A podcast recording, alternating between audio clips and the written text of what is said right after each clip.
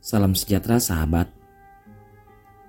Saint Jose Maria pernah berkata, Semoga kamu mencari Kristus, semoga kamu menemukan Kristus, semoga kamu mencintai Kristus.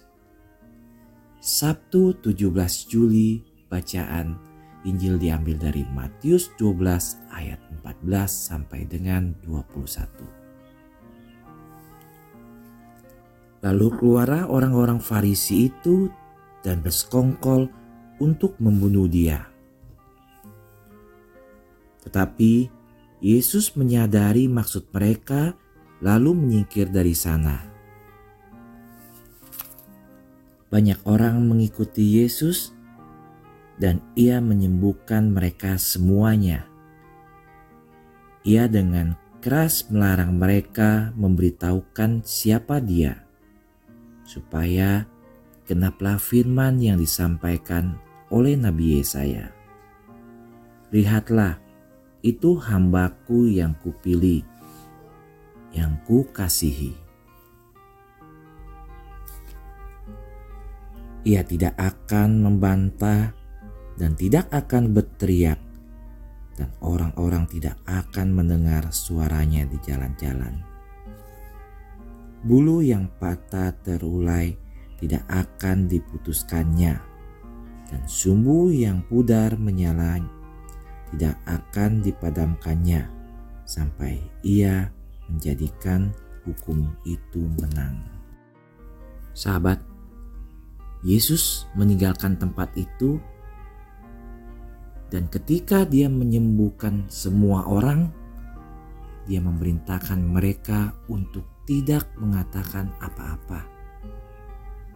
Sepertinya Yesus sedang bermain petak umpet. Beberapa orang bertanya-tanya mengapa Tuhan tidak lebih terbuka agar orang lebih mudah menemukannya. Tapi inilah nubuatnya.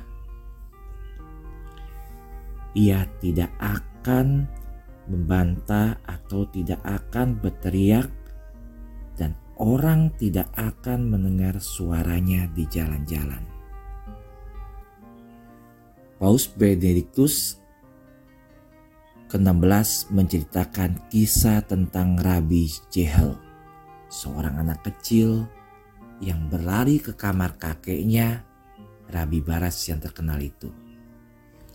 Air mata deras mengalir di pipinya dan dia menangis teman saya telah benar-benar menyerah pada saya. Dia sangat tidak adil dan sangat jahat kepada saya. Nak, bisakah kamu perjelas ceritamu lagi? Tanya kakeknya. Kami sedang bermain petak umpet, jawab anak kecil itu saya mendapatkan tempat yang bagus untuk bersembunyi sehingga dia pasti sulit menemukan saya. Tapi teman saya tidak berusaha mencari saya terus, malahan dia pulang. Bukankah itu berarti Lihat sahabat, dia telah kehilangan kebahagiaan menemukan tempat persembunyian yang paling bagus karena temannya berhenti mencarinya. Sang kakek membelai wajah anak itu dan ia berkata, "Ya, ini sangat tidak menyenangkan. Tapi lihat Tuhan juga menggunakan cara yang sama. Dia bersembunyi dan kita tidak mencarinya. Bayangkan saja, Tuhan bersembunyi dan bahkan kita tidak mencari Dia. Tuhan bersembunyi, sahabat. Dia menunggu kita untuk pergi mencari Dia. Itulah yang kita lakukan ketika kita berdoa dengan Injil dan membantu orang lain mencari Dia di dalam Injil.